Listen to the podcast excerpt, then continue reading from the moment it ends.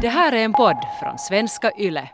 Dagen är kommen. Vi har länge velat ha med oss en barnmorska i podden.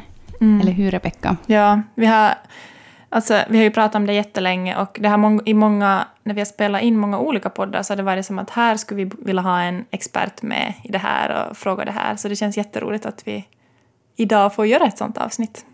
Mm. Vi har ju bjudit med eh, dig, Johanna. Välkommen med i podden. Tack, hej, vad roligt att få vara med. Ja, Jag lyssnar aktivt på er podd och, och har tänkt att det skulle vara riktigt trevligt att få vara med. Så.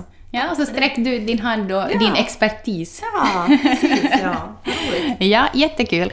Eh, vi har ju frågat våra lyssnare att de ska skicka in sina frågor till dig. Och det är de som vi ska plöja igenom idag, era, era frågor. Eh, men vill du först berätta lite om dig? Hur länge har du jobbat som barnmorska och hur många barn har du? Ja, jag heter då Johanna och äh, bor i Pedersöre och äh, blev klar barnmorska från, från Vasa Novia 2005. Så jag har varit barnmorska en, en hel del år redan. Och äh, jag har själv fyra barn, har fött dem alla här i, här i Jakobstad och äh, ja, det de är nu 14, 12 och så har jag tvillingar som är 9 år. Så den resan har jag gjort och har i och med det förstås en hel del personliga erfarenheter också. Men, men har också erfarenheter från många olika sjukhus. Jag har jobbat sammanlagt på tio olika förlossningskliniker. Började min resa på Malmska i Jakobstad och nu just jobbar jag i Umeå i Sverige. Och mellan dess då har jag varit på kvinnokliniken i Helsingfors, jag har jobbat i Vasa och Karleby och på flera olika ställen i, i Sverige, bland annat då Gotland och Stockholm. Så samla på mig en del erfarenhet genom åren och sett att man kan göra saker och ting på väldigt många olika sätt. Att det finns inte ett rätt sätt. Och att vi alla barnmorskor har, har samma mål i, i sikte och det är att kunna erbjuda och bistå när kvinnan, kvinnan föder sitt barn och en familj bildas och att få, den, få, liksom få, få gett en sån här så bra upplevelse som möjligt till, till paret. Jag tycker att det är så häftigt på något sätt, och kanske speciellt just för, för barnmorskeyrket, att just att som du sa, att ni alla har liksom det här samma målet, eh, men sen att det kan göras, som du också sa, på så många olika sätt och hur det kan variera liksom bara redan det när jag har fött tre barn, så beroende på vilken barnmorska vi har haft under förlossningen, så har det varit som väldigt, väldigt olika hur de har som, nej men approacha allting tycker jag. Och jag tycker det är så häftigt för alltså annars när man är nej men som sjukskötare eller någonting så är det ganska så att vi gör på det här sättet och det ska göras så här och det är så här och så här. Men att, att på något sätt att det får ändå nej men att det är någonting speciellt tycker jag med er barnmorskor och just att det verkligen får komma fram lite olika sätt hur man gör och approachar saker. Mm, ja, verkligen. Det är ju så att vi är ju alla, vi barnmorskor, olika individer förstås också, men sen är ju barnmorskeidentiteten oftast väldigt stark hos oss barnmorskor. Att det är ju som, jag brukar säga att jag jobbar inte som barnmorska bara, utan jag faktiskt är barnmorska också. Och om jag får lov att citera min, min mentor och, och stora förebild inom barnmorskeriet, Gudrun Abascal, som sa att jag var barnmorska den dagen jag föddes och är det tills den dagen jag dör. Och, och det nog en sån här jättefin sak, att så, så känns det att vara barnmorska. Mm. Men kan det mm, också då ha ganska mycket att göra med det här just att som födande så är man ju inte som sådär när man är sjuk och möter en sjuksköterska, utan man är ju inte, en patient, man är inte som en, en patient när man är en födande, utan man är ju där och man är inte sjuk. Och att då barnmorskorna verkligen ser det där att, att man måste gå enligt mammans önskemål och, och hur hon vill ha det. Ja, det är nog ett, ett, ett rättesnöre för mig i alla fall att tänka att det är inte jag som, som tar emot den här, det här paret när de kommer till förlossning utan jag är där när de kommer dit för att föda sitt barn. Och att jag får vara med om den här upplevelsen och få hjälpa dem där var de kanske behöver hjälp eller behöver stöd. Att, att det är inte jag som sköter förlossningen och jag som liksom tar, tar emot barnet och ger barnet till dem. Nej. Utan, utan att jag bistår den, den födande kvinnan. Att det är jätteviktigt för mig att komma ihåg att, att hon inte på något sätt är sjukhusets egendom när hon är på sjukhuset, utan att vi får vara glada och, och liksom, jag känner en ödmjukhet inför det där också, att få vara med om den här, om den här födseln och förlossningen. Så, så det är för mig jätteviktigt. Mm. Hörni, vi ska ta och börja play igenom våra, våra frågor. Du lyssnar på Föräldrasnack med Karro, och Rebecka och idag också barnmorskan Johanna.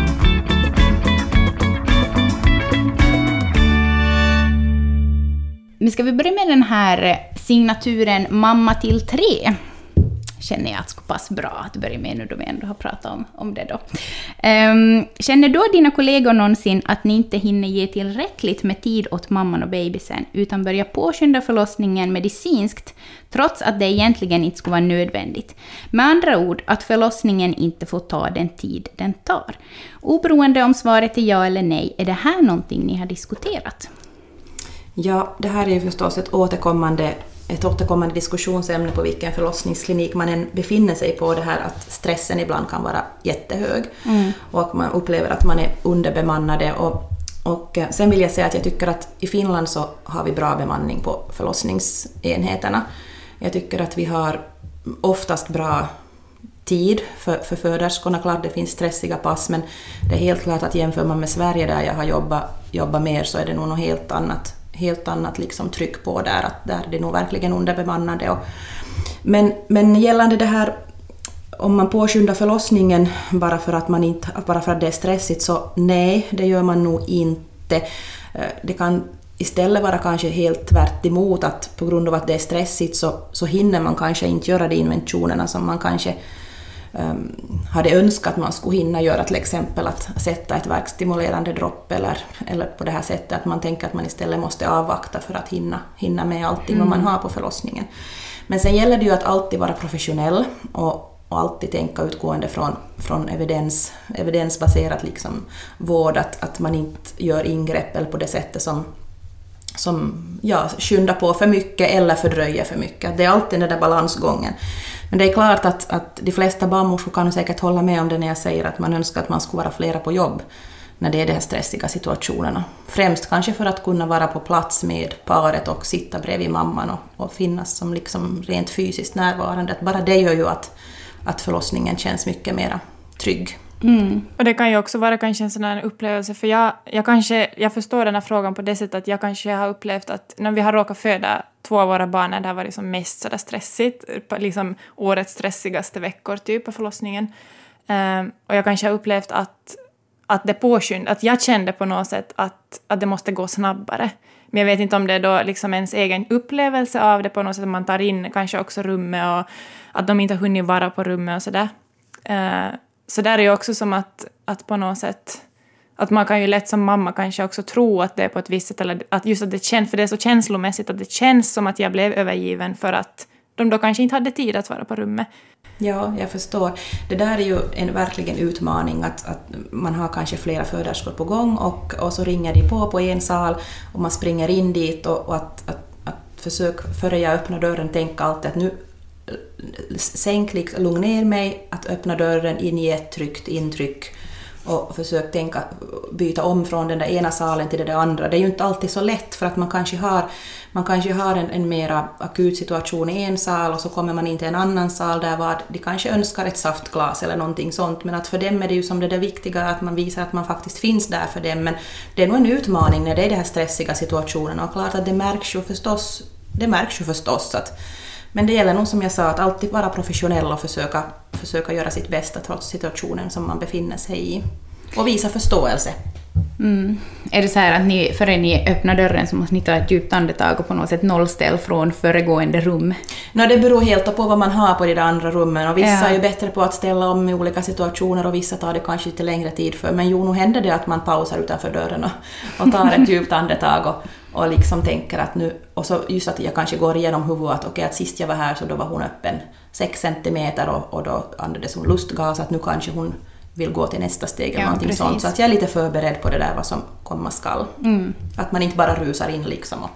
Och vad var det här då? Ja, precis. ja. Mm. Att barnmorskeri är ju också som ett...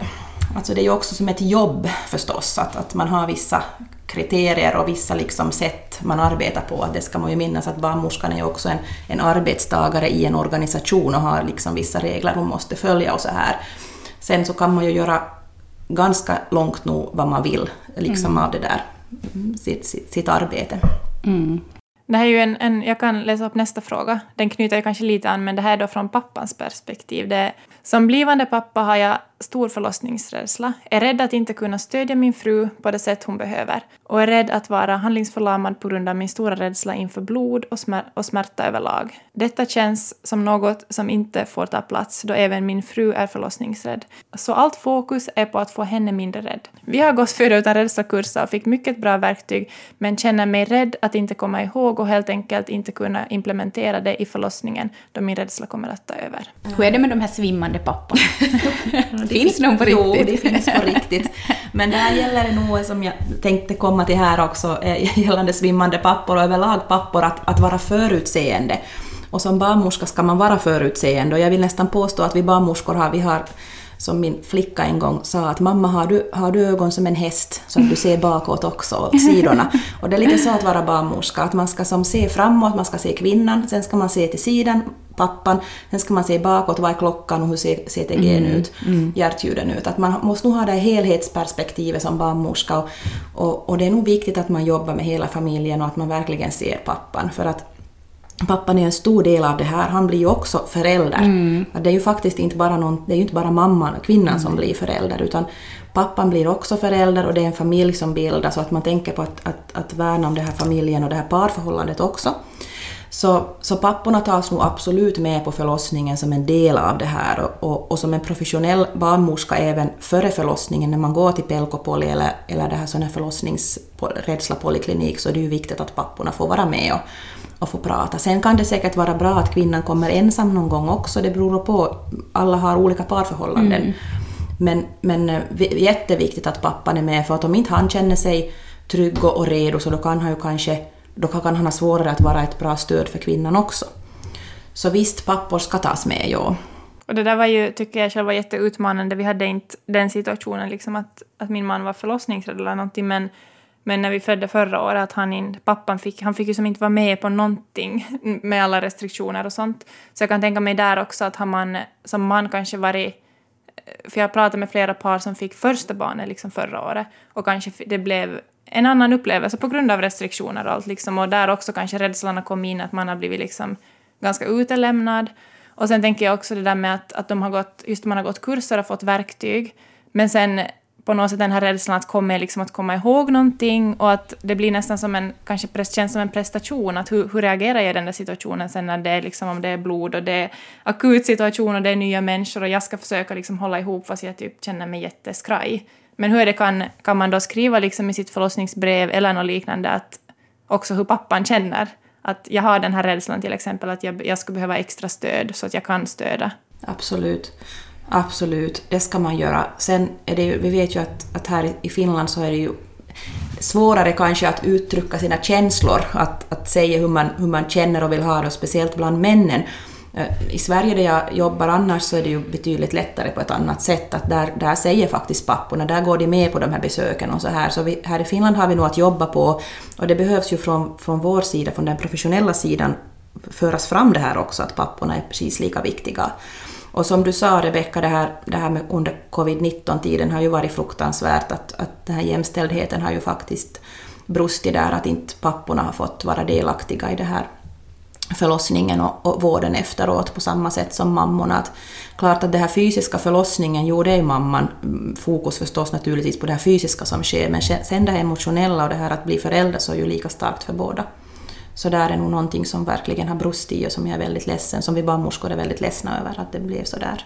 Hur har det varit så annars under det här eh, pandemin och sådär, har det i de här situationerna där mammorna har varit då ensamma under förloss, eller större del av förlossningen och de har haft en stress här att när får han komma, när får han komma? Hur mycket har ni märkt av det på mammorna och deras, alltså själva förloppet? Hur mycket det har bromsat förlossningsförloppet då papporna inte har varit med? Då de har haft den här stressen, liksom att, att när får han komma och kommer han alls att få komma och hur långt, hur länge kommer det här att ta? Att måste vara aktiv, liksom, det måste mm. säkert finnas jättemycket frågor. Mm. Och just den där stressen av att inte ha sin partner ja. med under den här stunden i livet som är ändå som så stor och som man har sett fram emot tillsammans. Hur mycket har ni märkt av det liksom på mammorna?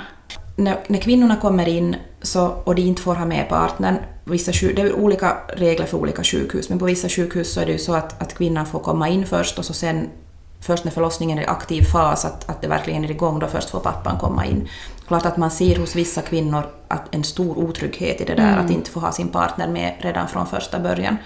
Att, men sen så måste man ju kanske också se, det finns ju faktiskt fall där, man, där kvinnan har stark förlo- förlossningsrädsla och man har gått kanske på förlossningsspelkopoli tidigare och, och man behöver kanske se mellan fingrarna i, i vissa fall också. Men sen så gäller det ju som barnmorska att vara ännu mera på sal och ännu mera närvarande förstås med de här kvinnorna. Så att nu har ju på det sättet arbetsbelastningen varit högre under coronapandemin även för oss. Det har det nog varit, som för många andra yrkesgrupper. Ja.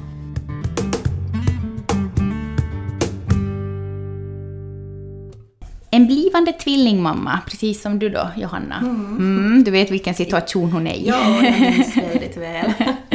Hon frågar så här. Hej, jag undrar kring babyfriendly-certifikatet. Vad innebär det riktigt att ett sjukhus har det och varför är inte alla sjukhus babyfriendly? Vad kan det vara för krav som inte uppfylls när ett sjukhus, förlossningsavdelning och BB inte får babyfriendly? Certifikatet. Jag funderar på vad jag ska föda och skulle gärna höra just mer om fördelarna med sjukhus som har babyfriendly. Ja, det här är ju en jätteintressant fråga och någonting som jag, som jag brinner för det här med Baby Friendly Hospital och, och någonting som jag arbetade också för i tiden när jag, när jag var barnmorska på, på Jakobstads sjukhus. Sen så hade jag ju möjligheten att få, få jobba på Vasa centralsjukhus där var de har det här Baby Friendly Hospital och, och klart att det märks, det märks för att det är ju väldigt hårda kriterier som man ska uppfylla för att, att få bli ett baby-friendly hospital. Det här är ju WHOs och FNs barnfond Unicef som ligger bakom det här certifikatet och här i Finland så är det THL som övervakar. Och när man får det här certifikatet så är det kraft i fem år, sen måste man förnya och liksom bevisa att man fortsättningsvis är ett baby-friendly hospital. Och det är en lång lista som sagt och det handlar mycket om amning och den här nära anknytningen och det här att, att mamman och barnet ska få vara tillsammans hela tiden, att man inte avbryter det här, den här symbiosen och den här när, närheten. Så det är nog främst den här amningen också som man, som man ska stärka och, och ha en sån här tiopunktslista som ska checkas av att man uppfyller det här och där ingår bland annat som jag tror är en orsak till att många sjukhus inte får, att man matar inte till det här barnet på andra orsaker än på medicinska orsaker. Mm. Alltså att det, man, man litar på att, att mamman kan förse Alltså att, att naturen har tänkt det så att, att mamman har den mjölk som krävs för det här barnet. Att man inte matar till i onödan. Mm. Och eh, det här tror jag personligen att är en, en av orsakerna till att man, inte, att man inte får det här certifikatet. Sen krävs det ju ett, ett starkt samband och samarbete med, med barnenheten och barndoktorerna för att lyckas få det här. Så, men de sjukhus som har det här så har ju lyckats med det här och, och nu märks det arbetet också. Det gör det nog. Är det, det här, är det som på hela sjukhuset eller är det som bara då på förlossningsavdelningen och BB? Eller är det också på barnintensiven? Det är på förlossnings, förlossningsavdelningen och på, på BB-avdelningen. Men som sagt, det är ändå ett samarbete liksom mellan, mellan de här enheterna. Att även att, att om barnet är på barnavdelningen, att mamman kan få vara med, med mm. hos det här barnet också. Det är ju viktigt. Det här är någonting som vi behöver bli bättre på här i Finland överlag. Att tänka att, att ett barn som är sjukt eller på en barnavdelning, det är inte sjukhusets barn, utan det är faktiskt fortsättningsvis föräldrarnas mm. barn. Och att föräldrarna ska ha möjlighet att vara med det här barnet för att det är de som är föräldrar, att, att mm. man inte tar ifrån dem det här. Mm. Så, så visst har det betydelse det här Baby Friendly Hospital, det har det nog, det vad jag nu har sett i mitt jobb. Så, och så vill jag önska dig lycka till, tvilling, blivande tvillingmamma. Du har en fantastisk fin, fin uh, framtid framför dig. Spännande. intensiv säkert. Ja, intensiv, ja. Ska jag ta, jag kan ta nästa fråga. Och det är signaturen Daniela som frågar. Vill du, vill du berätta mer om sen avnavling, fördelar och nackdelar? Ja, det här är ju ett äh, omtalat ämne och, och, många diskussioner har förts genom åren gällande sen avnavling. Alltså, nu för tiden så, så är man nog på de flesta sjukhus ändå medvetna om, och tanken är nog att önska föräldrarna så får navelsträngen flöda, flöda fritt ända tills den slutar pulsera. Att det är nog möjligt på de allra flesta sjukhus vill jag påstå, även i Finland idag. I Sverige har man ju förstås hållit på med det här länge redan. Mm. Men, men äh, i den här tvåminutersregeln så, så nu, jag vill inte gå in på specifika förlossningssjukhus exakt i och med att inte jag jobbar där nu just, men enligt vad jag har förstått så, så är det I vissa medicinska fall ja, om barnläkaren av någon orsak anser att barnet ska avnavlas snabbt, men att överlag så, så låter man nog navelsträngen få, få flöda fritt. Och, och där behöver man ju också säga till, säga till om man önskar att det ska vara så att partnern är medveten om det också, står i förlossningsbrevet. Själv personligen så försöker jag alltid tänka att hur kan naturen månne ha tänkt det här? Och jag tror ju inte att det är det här som naturen har tänkt ska vara det första man ska göra när man föder sitt barn. Du har ingen assistans, du lyfter upp ditt barn i famnen. Jag tror inte att det första du tänker på att oj, nu måste jag klippa av den där navelsträngen. Inte. Mm. Det ska nog inte vara det som är det där viktigaste. Inte. Så, så jag är absolut för att, att navelsträngen ska få flöda tills den slutar pulsera. Det finns ju till och med de som vill att, att moderkakan lossnar också innan man klipper navelsträngen. Mm. Men det där har blivit mycket bättre. Men vad är liksom, alltså ännu för att bara reda ut att vad är liksom sen avnavling? Det här ändå två minuter, det är inte sen avnavling. Tänkte bara om någon funderat, no, vad är liksom kriterierna för mina, sen? I mina öron är nog inte två minuter och sen avnavling, inte, utan för mig är nog sen avnavling att man låter det, navelsträngen pulsera liksom tills man inte känner någon pulsation i navelsträngen mer, alltså tills det inte överförs något blod mera där. Då klipper man den först. Hur länge brukar detta alltså? Ja. Det kan vara, ja det är så olika, det kan vara några minuter till upp till 5-10 minuter kanske. Och det här är ju också någonting som man kan göra vid kejsarsnitt, att där behöver man ju inte heller klippa av den där navelsträngen direkt mm. och, och komma bort med barnet från, från, från kejsarsnittssåret, inte, utan barnmorskan kan stå där med, ba, med barnet och låta navelsträngen flöda. Om föräldrarna vill, det finns ju många som vill att man kommer så fort som möjligt med barnet till huvudändan så att man får se det här barnet. Men, mm. men om man prioriterar det här och tycker att det är viktigt så kan man ju önska det att man låter navelsträngen, att man behöver inte klippa av den där. Om det naturligtvis inte finns medicinska orsaker till att mamman snabbt måste liksom mm. få hjälp. Men, mm. Under en och en förlossningar så hade jag då önskat se en avnavling. Eh, och så var jag helt nöjd då jag fick det och så här, Och sen så när jag såg på bilderna efteråt, så shit så var den liksom klampad, vet du, som, det var en sån här klämma på den.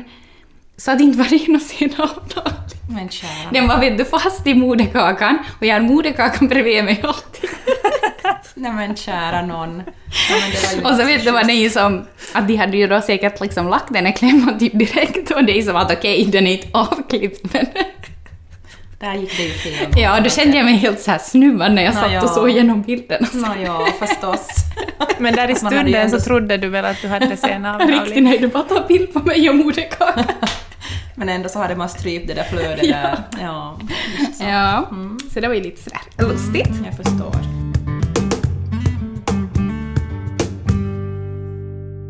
Så här skriver en fundersam moder. Under min första förlossning kände jag krystvärkar fast jag bara var öppen 5 cm. Barnmorskan sa att jag måste hålla emot och inte få slappna av. Det var jättetungt att måste spänna min kropp och inte kunna slappna av. Han föddes sen med sugklocka, för han hade handen under hakan. Kan det ha påverkat att jag spände mig under öppningsskedet, att han sen hamnade fel? Det är snart sex år sedan förlossningen och jag tänker fortfarande på detta och att det verkar så konstigt att barnmorskan inte lät mig vara avslappnad. Inom parentes, jag använder ingen smärtlindring ifall det har någon betydelse. Ja, eh, det är förstås svårt att ta ställning till enskilda fall så här när man inte har tillgång till, till journalen eller till, till den här händelsen. Men, men, eh, och så handlar det ju ofta om upplevelser, alltså hur har man upplevt det som föderska, hur har barnmorskan upplevt det och hur var det medicinskt. Sen eh, vill jag säga att att det här är inte någonting som jag tycker att du ska fundera på eh, liksom ensam, utan det här behöver du nog, du behöver ta kontakt tycker jag med det här förlossningssjukhuset och, och helst då med den barnmorskan om hon finns kvar där som skötte den här förlossningen för att gå igenom händelsen. Att det kan nog lösa upp många knutar.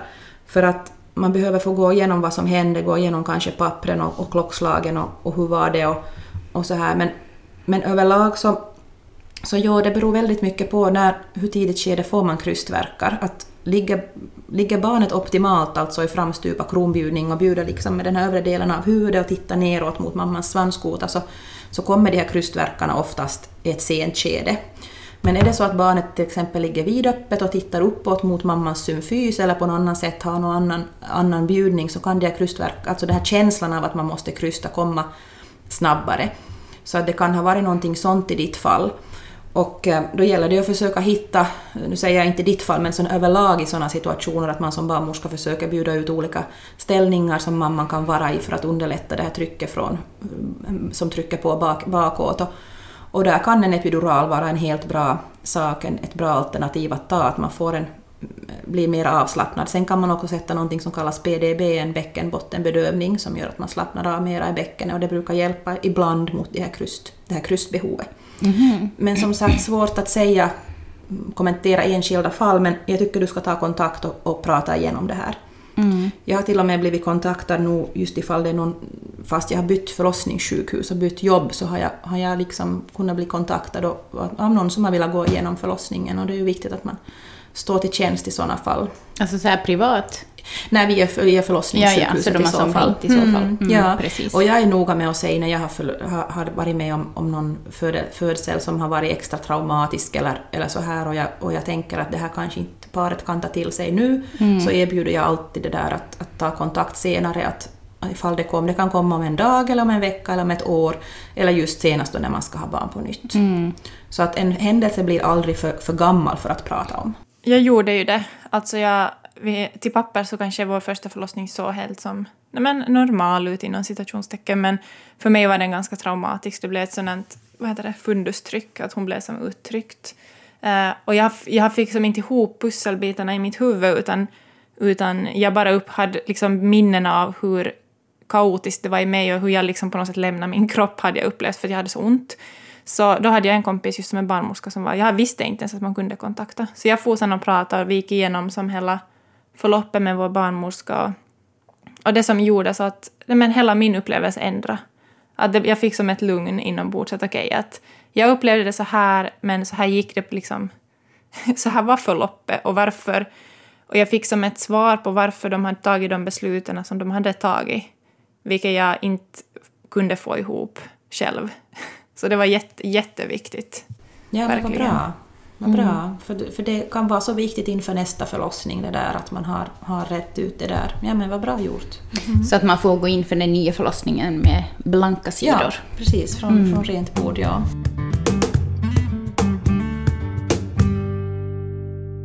Signaturen S skriver så här. Jag fick sju stygn efter min förlossning. Ärret är skarpt och ömt och jag har ganska svårt med knipträningen och jag får lätt tryck neråt när jag tränar. När jag tränar annat än knipträning alltså.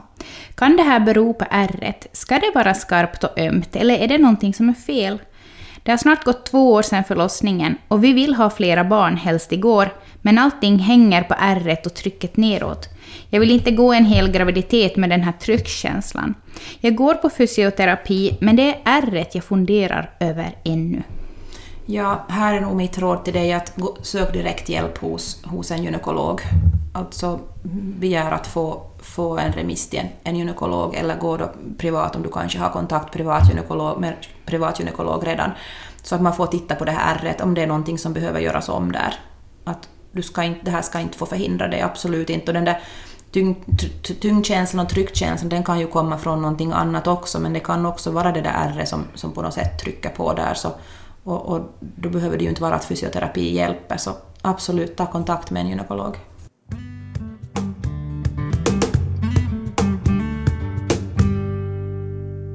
Är det bättre att vänta längre mellan förlossningarna om man har fött med kejsarsnitt? Varför och varför inte? När man föder med kejsarsnitt så, så öppnar man ju upp livmodern. Först öppnar man upp huden och, och muskulaturen som kommer där under och, och till slut livmodern. Och, och, då har man ju ett ärr i livmodern som sen sys fast.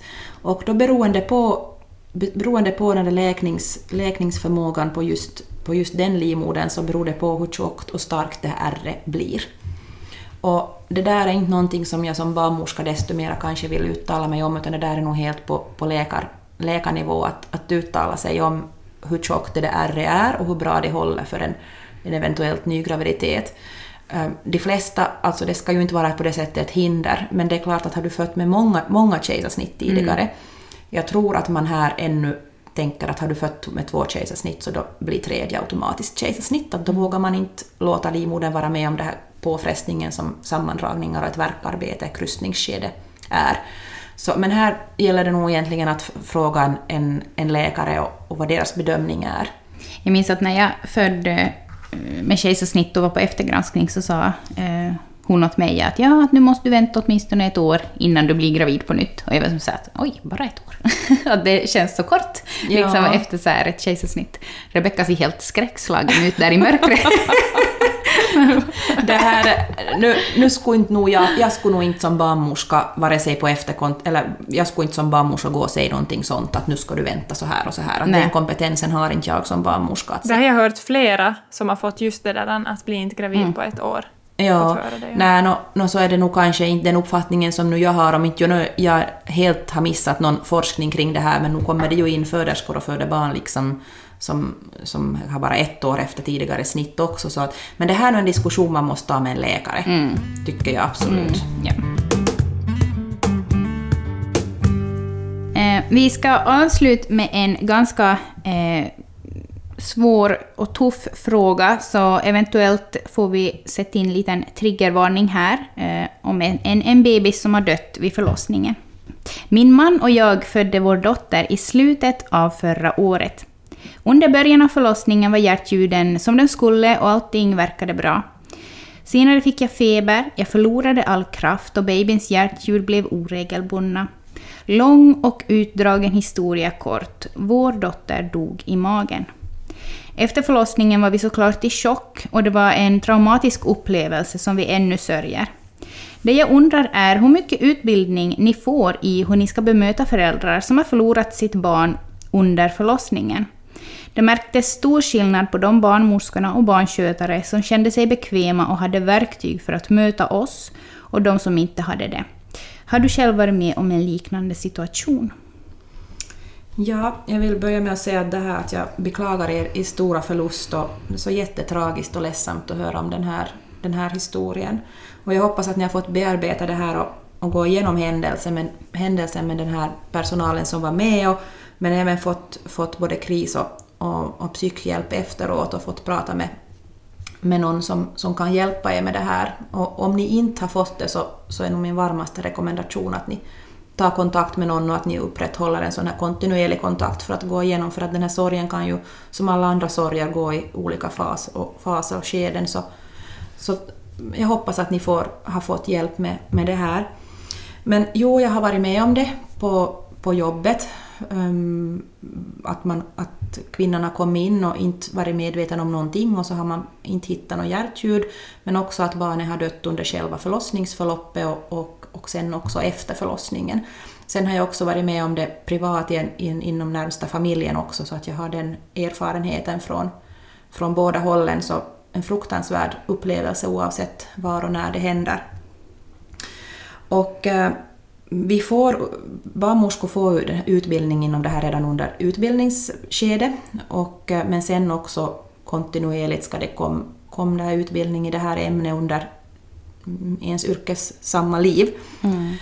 Sen är vi ju alla olika individer, vi barnmorskor också naturligtvis, att vissa av oss har lättare att prata om, om svåra saker och vissa har svårare att prata och bemöta det här. Att det här är någonting som man får jobba med som, som barnmorska och, och Eh, själv upplever jag att vartefter erfarenheten har kommit så har jag, har jag haft lättare att prata med det här och kanske just i och med att jag har varit med om det på, inom, på nära håll också privat.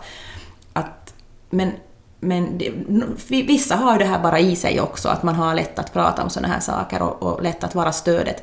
Sen så, så är det ju inte så att man ska, måste tänka som barnmorska att man ska göra som några stora underverk där, utan det där viktigaste är ju att man är där och finns där och lyssnar. Och, och bejakar liksom det här, det här som händer. Och, men också att man på något vis stöttar upp och, och, och stöder det här, det här paret och det här i den här traumatiska upplevelsen och, och underlätta liksom det här förloppet sen också. Att, att vad händer nu och hur gör vi nu? Och att man, man kanske underlättar och uppmuntrar till att, att man ska få ha det här barnet med sig, det här döda barnet med sig så länge man vill och, mm. och, och, få ha det här att, att man har ju faktiskt blivit förälder också.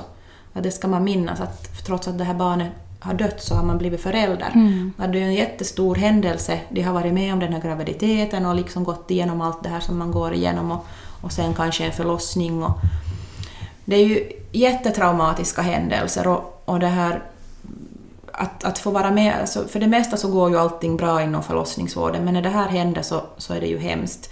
Men tillika så, så känner jag de gånger när det har hänt också att det en, jag känner en stor ödmjukhet som barnmorska att, att just jag får vara med det här paret när det här hände. Att, att jag kan få vara, att det är som stor ödmjukhet jag går in i den här arbetsuppgiften den gången. Men nog påverkar det ju också oss barnmorskor, alltså det här är någonting som man som lever med en hela tiden sen. Mm. De här händelserna också, att, att vi behöver ju också få prata om det här ibland med professionell hjälp för att, att kunna bearbeta de här ja, händelserna. Mm. Säkert svårt för vem som helst att sen Ja, ja. beroende på erfarenhet och, och hur man är som person, precis som du sa, mm. så, så är det enklare eller svårare. Och, och, det är liksom, men det viktigaste är nog att man, att man får, får professionell hjälp med det här under, under den här händelsen, men även efteråt och även en längre tid efteråt. Sen vet jag att, att de har stort stöd av varandra, de som har varit med om den här saken, att, att få prata med någon annan mamma, någon annan pappa, någon annan familj som har varit med om den här händelsen. Att man kan stödja upp varandra och, och, och liksom få prata om det och ge kanske tips att så här gjorde vi och så här, det här hände inför nästa gång när vi, när vi ville ha barn på nytt, om vi ville ha barn på nytt.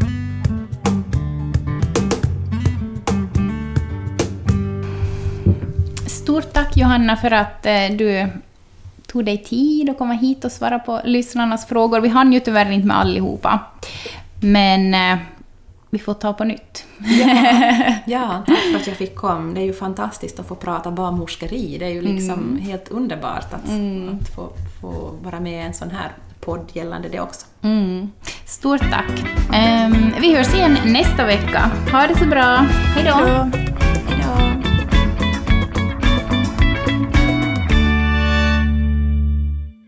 Det här är en podd från svenska YLE.